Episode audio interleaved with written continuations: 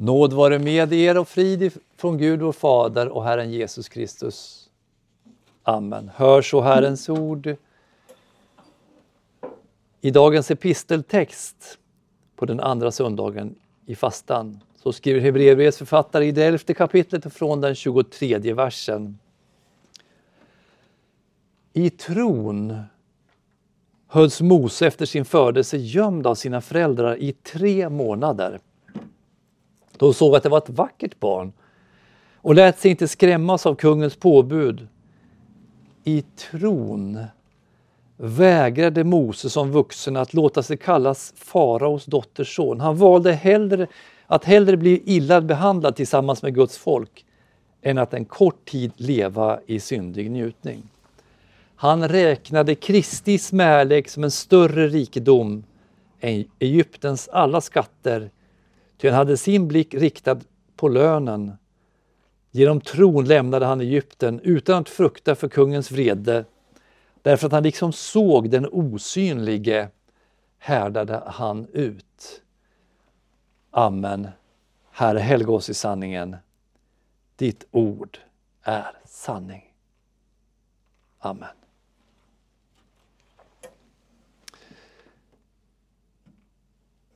Att tro, vad är det för någonting? Det är att lita på någonting, att hålla fast vid någonting, att förtrösta på någonting.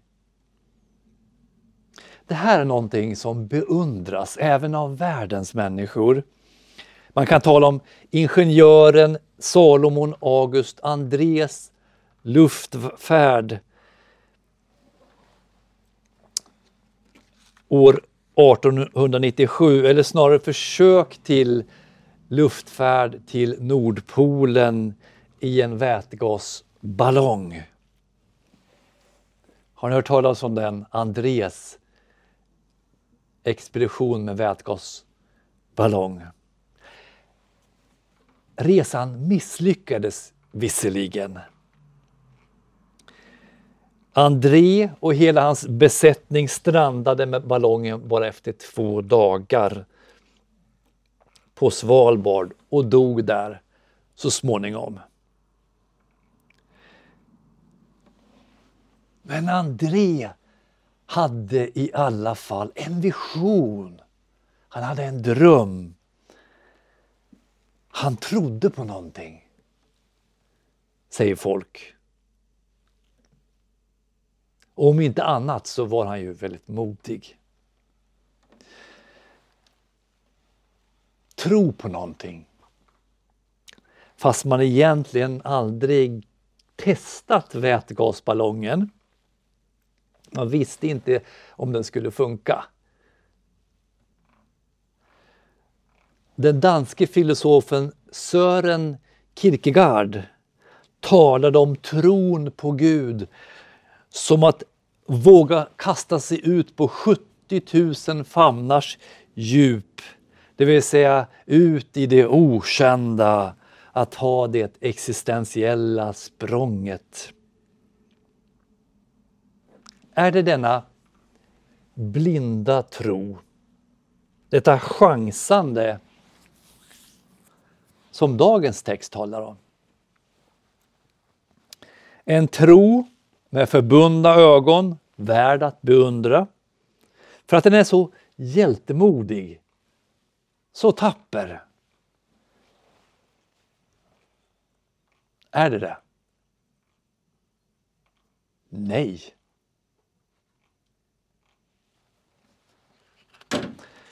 I tron hölls Mose efter sin födelse gömd av sina föräldrar i tre månader. De såg att det var ett vackert barn och lät sig inte skrämmas av kungens påbud. Amram och Jokebed, Moseföräldrar, de hade ett mål och de hade en övertygelse. Men hans räddning var knappast någonting oplanerat. Att hålla ett barn gömt i tre månader fordrar ju väldig planering. En planering för att han inte skulle upptäckas av egyptierna. Ni vet de som skulle döda alla förstfödda israeliter i Egypten. Och sen, efter tre månader, ett tre månader gammalt barn är inte, har en helt annan stämma än en nyfödd bebis.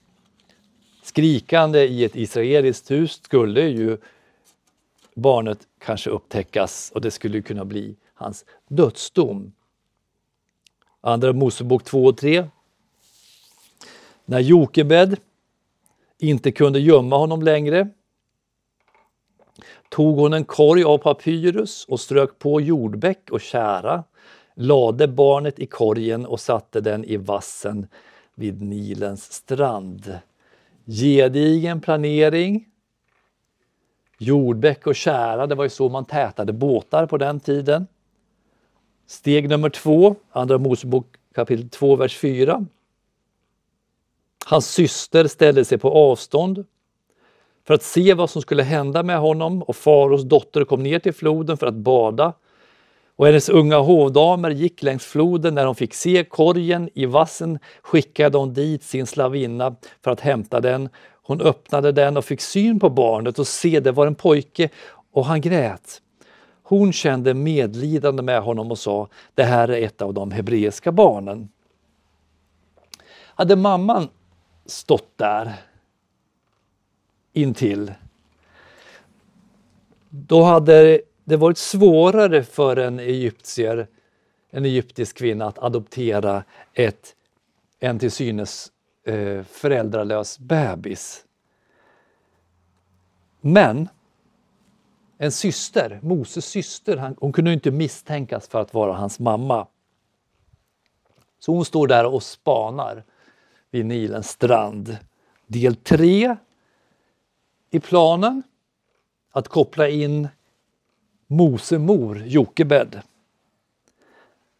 Andra Mosebok kapitel 2, vers 7. Men hans syster frågade Faraos dotter, vill du att jag ska gå efter en hebreisk amma som kan amma barnet åt dig?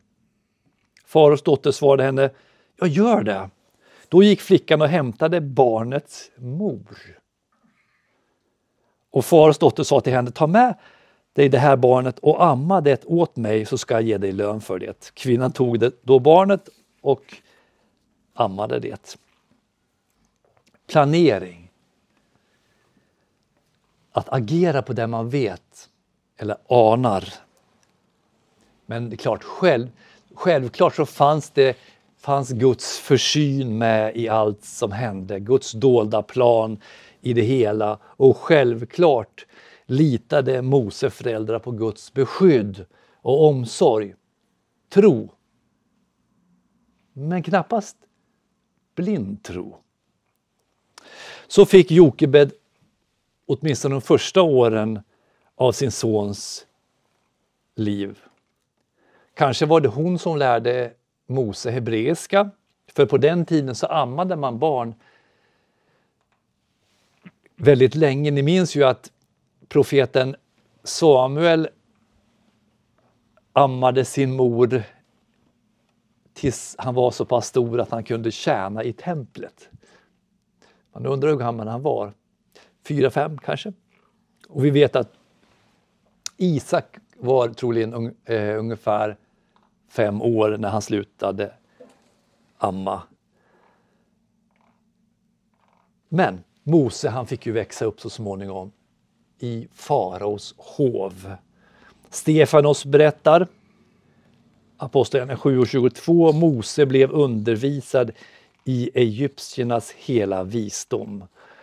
Men ändå var hans hjärta hos Guds folk.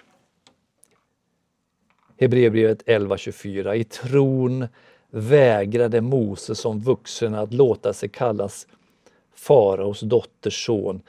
Han valde att hell hellre bli illa behandlad tillsammans med Guds folk än att en kort tid leva i syndig njutning. Han räknade Kristi smärlek som en större rikedom än Egyptens alla skatter, ty han hade sin blick riktad på lönen.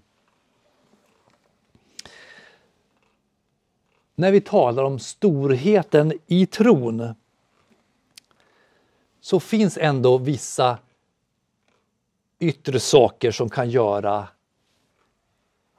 tron beundransvärd.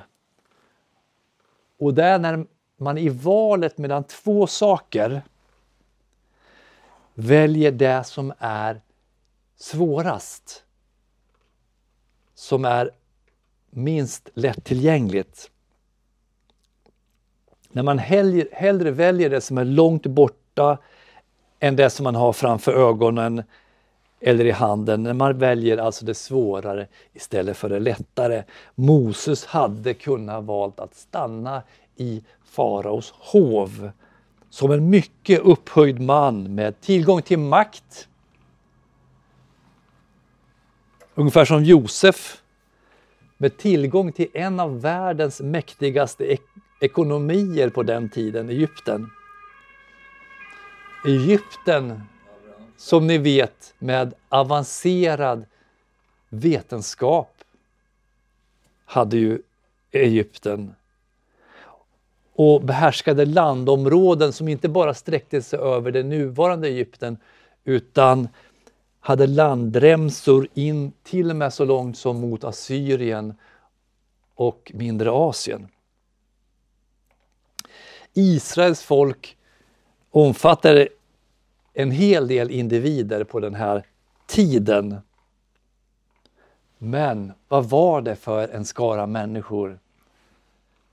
Det var en skara plågade människor som fick tjäna Egypten och farao som slavar.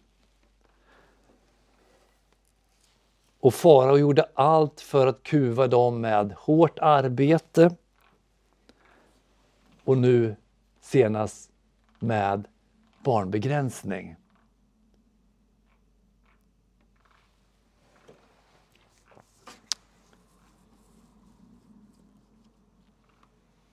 Storheten i Mose tro, det är att hellre identifiera sig med detta föraktade folk. Han ville inte ens kalla sig för faraos dotterson.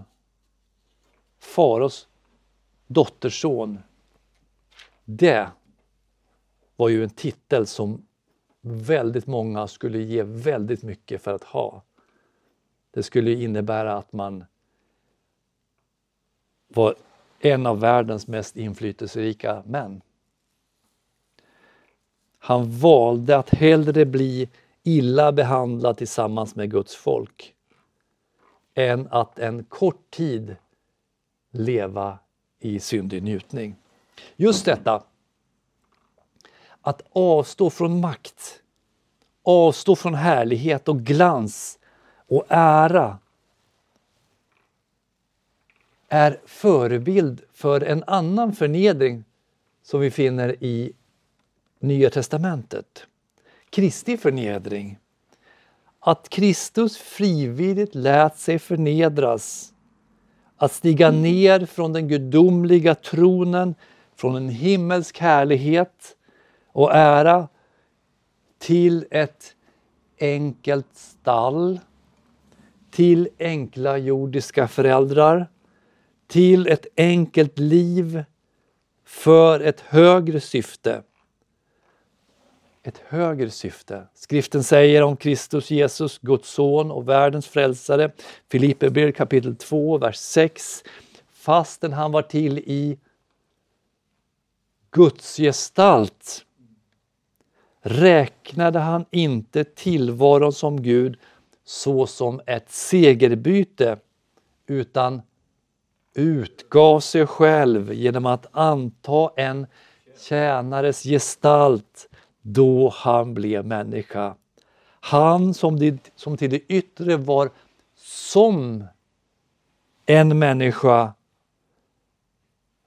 ödmjukade sig och blev lydig ända till döden, döden på korset. Och Andra Korinthierbrevet 8 och 9. Ni känner ju vår Herres Jesu Kristi nåd. Han var rik, det vill säga i himlen som Guds evige son. Men blev fattig för er skull. För att ni genom hans fattigdom skulle bli rika. Jesus Kristus blev människa för vår skull. Han led och dog i vårt ställe för att friköpa oss ifrån vår skuld inför Gud och ge oss fullkomlig rättfärdighet. Det var därför han kom hit. Det var därför han kom och avstod ifrån det himmelska för dig och för mig. Och sen han uppstått stiger han upp på Faderns högra sida, högra sida för att sedan härska i evig majestät och härlighet. Var då Mose tro som Kierkegaards blinda språng på 70 000 famnars djup? Eller en ädel och ogenomtänkt plan som Andres luftfärd till Nordpolen. Låt oss läsa texten. Han räknade Kristi smälek som en större rikedom än Egyptens alla skatter, ty han hade sin blick riktad på lönen. Lönen för Mose var alltså inte att han genom sin adoption till faraos dotter hade fått en stor ställning i det egyptiska hovet. Lönen var inte god mat, alla njutningar eller all visdom som fanns hos Egyptens lärda män.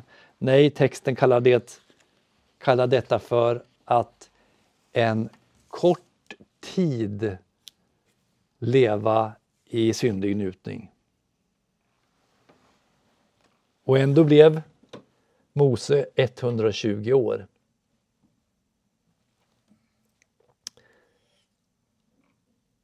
Men i Guds folks flertusenåriga historia är det en kort tid. Han räknade Kristi smälek som en större rikedom än Egyptens alla skatter, ty han hade sin blick riktad på lönen. Lönen var att Guds folk blev befriade ifrån slaveriet i Egypten för att kunna återvända till det land Gud hade lovat dem. Lönen var prästadömet, offren, tabernaklet med förbundsarken. Allt det här kom ju under Mose tid.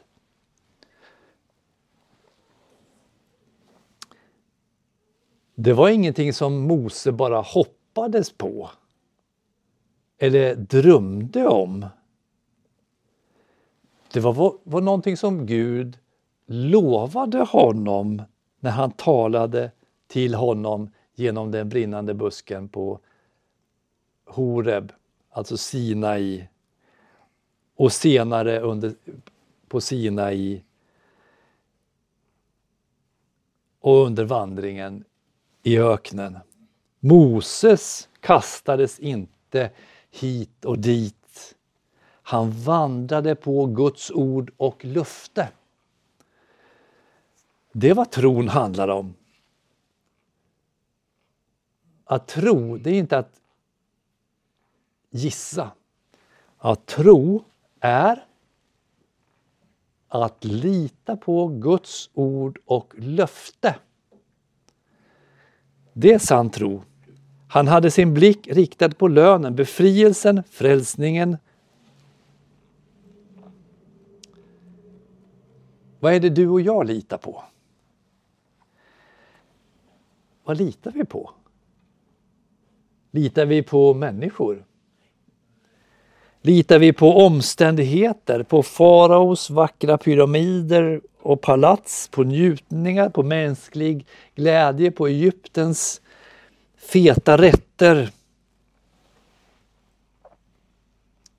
Han valde att hellre bli illa behandlad tillsammans med Guds folk än att en kort tid leva i syndig njutning. Guds folk idag är Guds kyrka och församling. Och Guds folk idag har också Guds ord och löfte. Guds folk idag har också lämnat Egypten bakom sig genom det heliga dopet. Där i Röda havets dop har våra fiender, synden och skulden och döden och domen begravts. Och förbundsarken är Kristi kors och blod. Här uppenbarar sig Gud, här visar han vem han är. Här förlåter han oss för offrets skull. Och varje gång vi firar nattvarden dukar Guds himmelska manna så är han med oss. Vilken är din och min gemenskap? Vill vi fortsätta att vandra med Guds folk genom den här världen, även om det ibland känns som en öken som vi vandrar genom? Eller klagar vi som Israels folk gjorde under vandringen. Vi kommer att hånas, precis som Mose valde Kristi smälek. Det vill säga att bli vanärad precis på samma sätt som Kristus blev vanärad, förnedrad. Men det är värt det. Aposteln säger, Hebreerbrevet 13, vers 12. Jesus hade lidit utanför stadsporten för att han genom sitt eget blod skulle helga folket. Låt oss därför gå ut till honom utanför lägret och bära hans smälek, ty här har vi inte någon stad som består, men vi söker den stad som skall komma. Vi har också ett mål. Precis som Israels folk hade.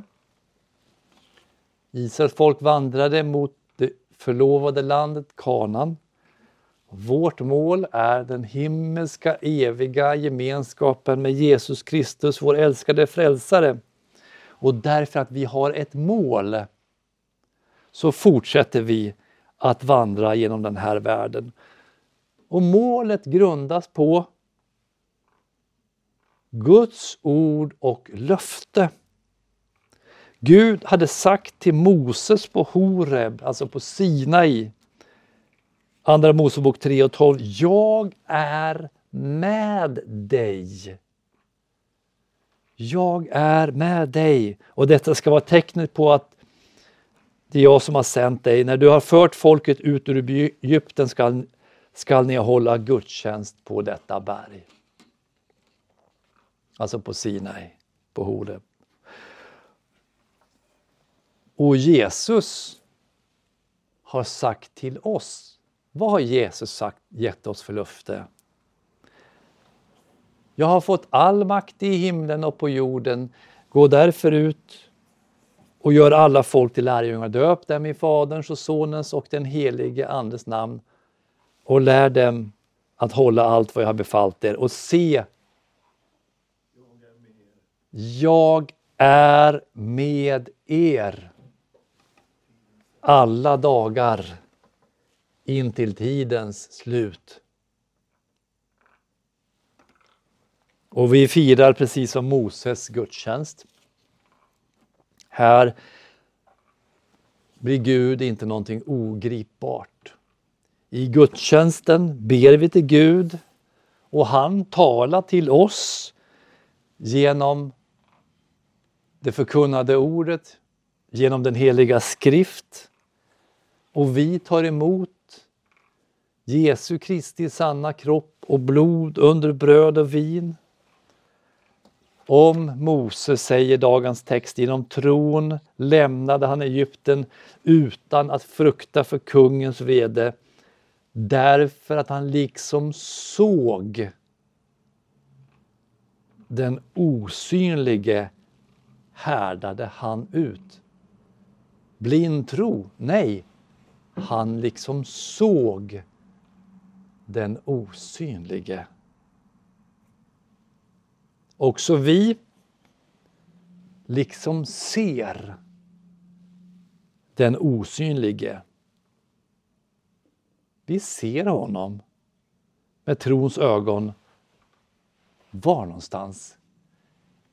I det heliga evangeliet. Genom sakramenten. Här i Guds församling, bland Guds eget folk, kommer han till oss och förmedlar sin nåd och förlåtelse. Amen. Låt oss bedja.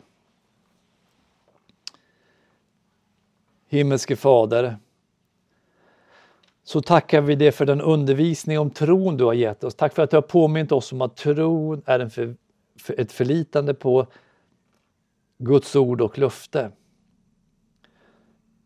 Tack för att du liksom du gav Mose löften, så har du gett oss löften. Löften om att bevara oss, löften om målet, det himmelska kanan.